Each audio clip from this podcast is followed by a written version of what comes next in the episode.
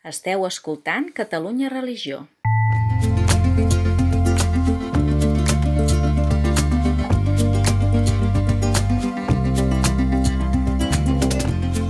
Converses en la frontera, un podcast de Gabriel Jaraba i Xavier Morlans.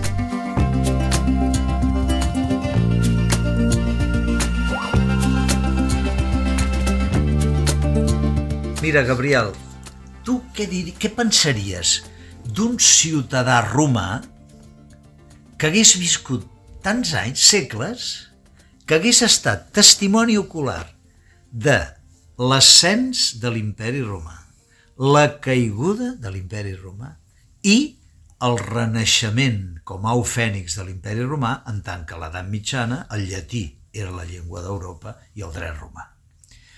Doncs mira, tu i jo, nascuts a l'entorn de l'any 1950, donada la velocitat dels canvis, l'acceleració, de com els descobriments científics i tècnics han variat, diu que per cada 10 anys de finals del segle XX i del segle XXI valen per 100 anys o més de la història passada, no? Déu-n'hi-do, eh?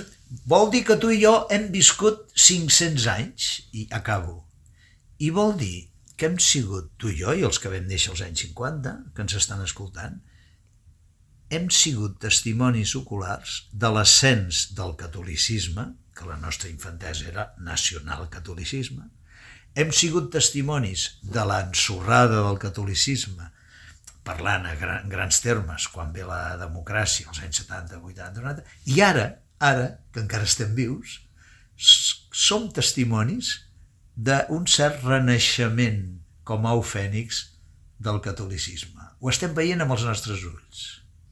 Què et sembla això? És una parida eh, històrico-fictícia o com, com ho veus? No, jo diria, a veure, jo personalment em sento com a persona que ha estat testimoni d'allò del ascenso i caïda de, de, és a dir, mm, sembla un, una pel·lícula de Peplum, això, no? Que hagin vist, no? Que hagin vist, que hagin vist una sessió contínua de Peplums, Exacte. no? Una darrere l'altra, com, Allà- com quan allà al cine cine quan nanos. Seco de Eh, sí, el cine de Triunfo, per exemple, al carrer Recomtal, no? Aquestes coses. No, a veure, eh, el que passa és que sí que aquest, aquest temps accelerat, aquest temps de format propi de les novel·les de ciència-ficció, ens està mm, ens està portant... A veure, hi ha un canvi, hi ha un canvi d'època, eh, per no dir un canvi d'era. Eh, I aquest canvi d'era, mm, que ens pensàvem que seria solament tecnològic, com fins ara han cregut els tecnologistes de Silicon Valley, encara segueixen creient que, que, la, que les solucions passen per la tecnologia. De les solucions passen, senyors meus, per l'esperit humà, eh? i s'ha acabat.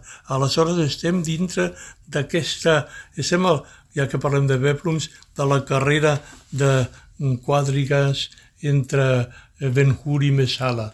Eh? Els uns contra els altres, un frec a frec. El, el socio- solucionisme tecnològic mm, mecanicista de Silicon Valley i del gran capitalisme de Elon Musk.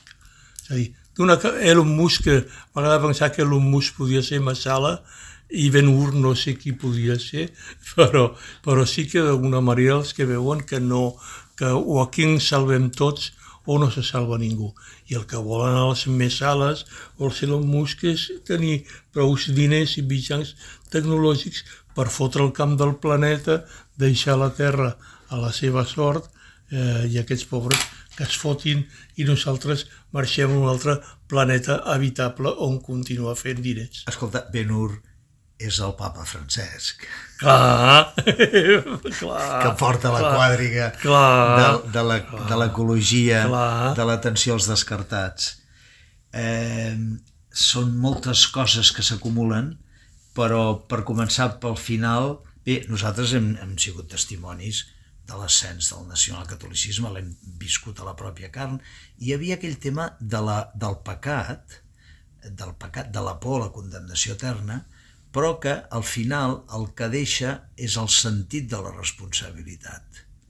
No, no, no, no ho aprovo, però el sentit de la responsabilitat. Perquè una altra cosa, si em permets, avui, avui estic una mica així tri, tripartito com, o trigeneracional, no? Uh -huh. També diríem que la teva generació i la meva, que ara tenim 74, 75 anys, vam tenir religió com a base, amb els seus excessos, però que va sostenir una ètica. Això que deia, el sentit de pecat, un cop vam deixar de, de, de creure amb ell, es va convertir en sentit de responsabilitat, no? I per això ens vam apuntar al marxisme, per transformar el món, perquè teníem la responsabilitat. No? Els nostres fills i els nostres nebots, estic generalitzant, vam creure que no els hi havíem de donar la religió obligatòria, però sí la ètica, una ètica forta, amb el nostre exemple i amb els valors. I la tercera generació, els millennials, eh, els nascuts a l'any 2000, representa que han nascut en un ambient molt relativista i suposo que com, com, a, com a pares se'ls ha intentat donar sí uns valors, però ja no tenien darrere fons ni una ètica forta, pensiero forte, ni molt menys un background, un background religiós. Acabo. Hi ha una enquesta d'aquests dies que diu que un 40 o un 48% dels homes de 18 a 24 anys, eh, són aquestes generacions nascuts al 2000, consideren que l'homosexualitat és un fenomen perillós, es, pro es pronuncien contra el feminisme i contra els estrangers. Acabo. Sé que és una interpretació, però és legítima fer-la, no? És la generació que no té el background d'una religiositat ni d'una ètica forta, finalment som testimonis de eh, què queda quan es treu tot fonament religiós o ètic seriós. No? Queda que torna la barbàrie. Va. Queda que torna la barbàrie. Mira un altre exemple, Woody Allen. Per exemple, nosaltres, aquesta generació nostra, eh, descobreix Woody Allen les seves pel·lícules i s'hi apunta i aleshores nosaltres en mm, cachondegem bastant de les desventures del pobre Woody Allen que se bat entre la culpabilitat Eh, de la, de la, de la, el sentit de la culpa Sí. eh, i el sentit de la possibilitat del gaudi. Eh? Eh, I aleshores aquesta tensió dels personatges de Woody Allen eh, a nosaltres ens diverteix perquè ens il·lustra molt a nosaltres mateixos, però ens sentim alliberats de quan veure que el Woody eh, s'allibera també de la culpa i treix cap al, pels seus descosits. No? Eh, clar, jo penso, aquesta generació que contesta d'aquesta manera a les enquestes actuals, entén Woody Allen? O ni més no, li interessa Woody Allen? Ningú va veure pel·lícules de Woody Allen avui dia i la Woody Allen campanyes que tingui en contra Hollywood o als Estats Units, mm, Woody Allen és un no ningú amb el món artístic i intel·lectual eh, actual, no? I dius, què vol dir això? Quin món, en quin món estem? Estem en un món en què hem passat tots aquests 500 anys en un sospir i en el qual estem de veritablement de cara a un canvi d'era, amb un canvi d'època i no només en el sentit cronològic, sinó en el sentit civilitzacional.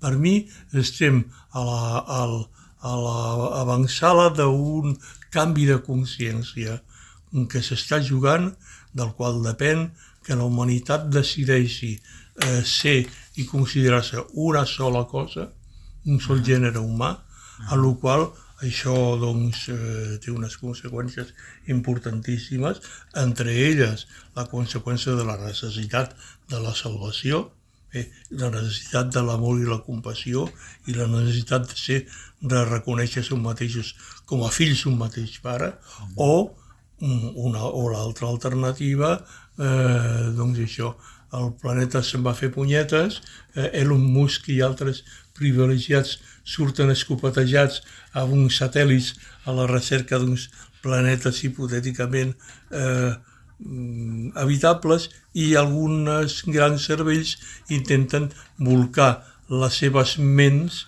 eh, amb aparells eh, ciberelectrònics de manera que la intel·ligència artificial eh, fabricada per l'home i la intel·ligència natural fabricada per Déu, perdó, doncs conflueixi en una sola eh, i nova ciborguitat. Mm -hmm. Terrible, eh? Terrible. Jo tinc aquesta esperança, o, o realitat, la sensació, és la més interessant, de si, de, jo crec que sí, som testimonis d'un renaixement com au fènix del cristianisme.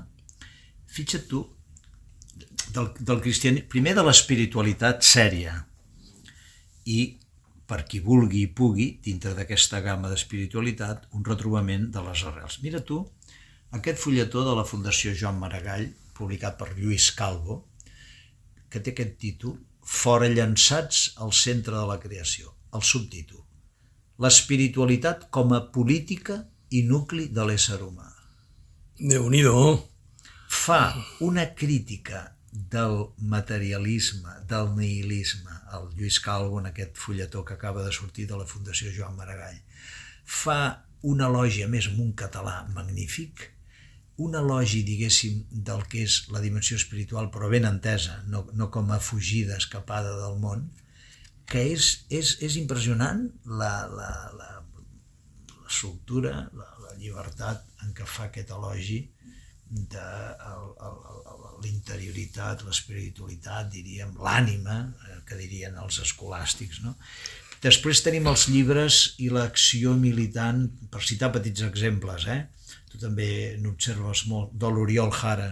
L'Oriol Jara és un dels millors eh, guionistes de TV3, que a través de 20 anys, a través d'un procés personal de lectura de la Bíblia, ha fet una conversió, està fent una difusió aplicant tota la seva mm, savoir-faire de monologuista, de Buenafuente, Buenafuente catòlic, eh, ha publicat ja dos llibres amb l'editorial Albada, 10 raons per creure en Déu i el darrer Converses amb Déu, que pren nota de conversions que hi ha, de, de gent que es troba en Déu, té, un, té una altra activitat a les xarxes, molt sol·licitat, i una mica aquests petits bolets que van apareixent a la premsa quan resulta que hi ha columnistes que reivindiquen el concepte de veritat.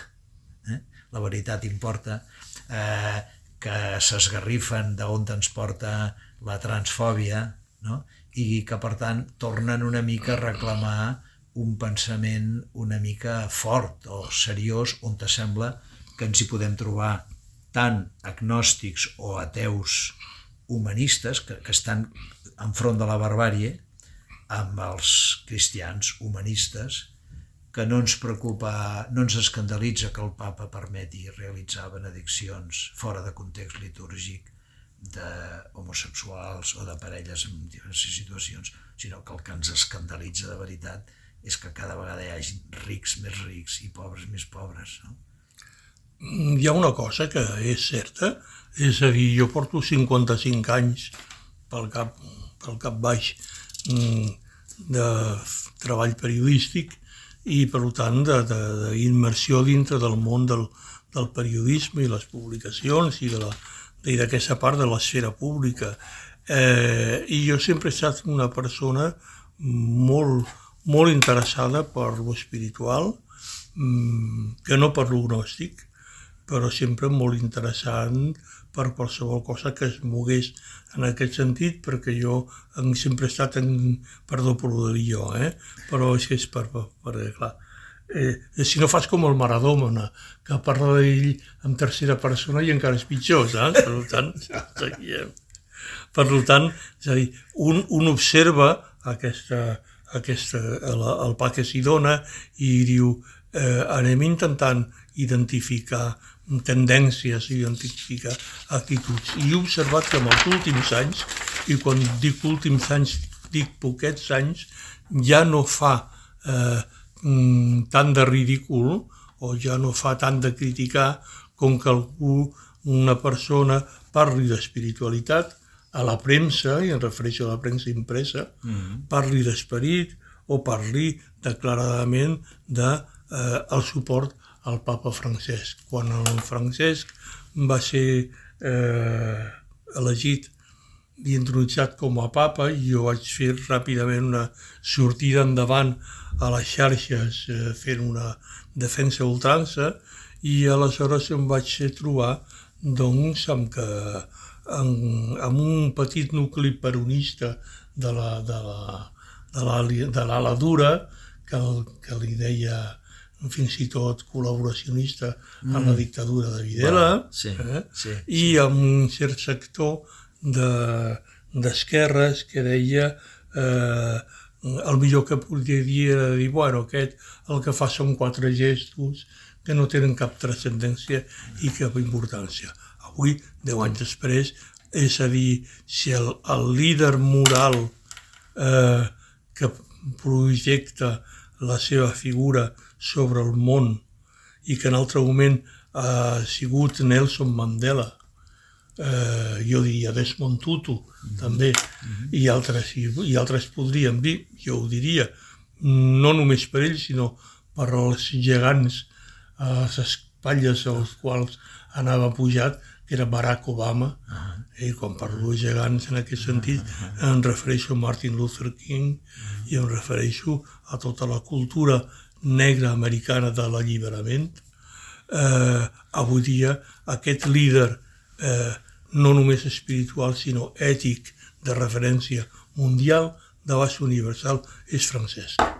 I això no ho pot negar ningú ni es pot negar en cap mitjà de comunicació en qual, on qualsevol columnista o editorialista vulgui afirmar-ho. Sí, sí, però Francesc se'n va al Congo, se'n va a la República, se'n va a abraçar els pobres, fa unes homilies dient traieu les mans d'Àfrica, referint-se a totes les multinacionals que segueixen extraient, i surt alguna notícia a la premsa d'aquí, d'això? O no, o no, clar que no. Eh, I tampoc surten les notícies de, de gairebé de com la dictadura eh, nicaragüenca que tant ens va motivar a persones de tan bona fe com el Miquel Núñez i el moviment sandinista eh, ha impressionat i estan pressionant capellans i bisbes. A l'esquerra eh, europea i occidental no mourà un dit, sinó que ni tan sols mm, mourà una cella per dir, escolti'm, impressionar a la gent per les seves idees o per la seva confessió religiosa és lleig. I, aquest, eh, i aquesta és part de la sang que cau dels àrabits i de la família Romanov que segueix caient encara sí. sobre el cap de tota sí. l'esquerra socialista occidental, un servidor com a part d'ella inclòs.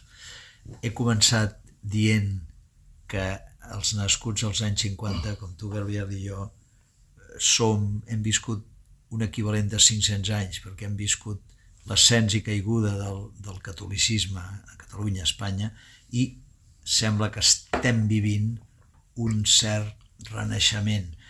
Potser, com diu Boessi, eh, que és l'últim l'últim teòleg eh, de l'antiguitat cristiana, eh, cap a l'any segle VI, i és el primer teòleg medieval, ell diu que quan una època canvia, quan encara no està clar el que està morint i el que... Eh, però ja està naixent lo nou, no?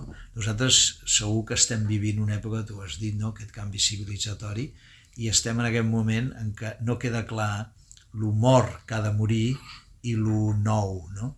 I en aquest moment el que cal molt és molt, molt, molt instint històric, molta radicalitat, molta fidelitat a l'original, molta capacitat d'anticipació i molt esperit profètic. No? Una mica el que modestament intentem fer en aquestes converses a la frontera, frontera, precisament. Frontera. No, i les fronteres, clar, és que aquesta pel·lícula es repeteix, això que deia Boessi en aquella època, al segle V, ho va tornar a dir molt més recentment una altra persona, molt estimada per una servidora, eh, que era Antonio Gramsci, el líder i el cap intel·lectual del moviment socialista italià i europeu. És a dir, tot, i per això en aquesta mena de, de capvespres i noves salvades uh -huh. sempre hi ha un gram d'esperança, eh? un gram de bogeria i un gram d'esperança. I a mi m'agrada creure que aquesta promesa del, del cristianisme contracultural eh, eh, es mostra i se segueix mostrant indefectiblement com aquesta gram d'esperança en aquestes uh, albades i en aquestes prealbades, que és el moment més fosc de la nit segons Tant de bo, seguirem intentant, seguirem esperant i forçant eh, aquesta albada des de les nostres converses a la frontera. Adéu-siau, amics.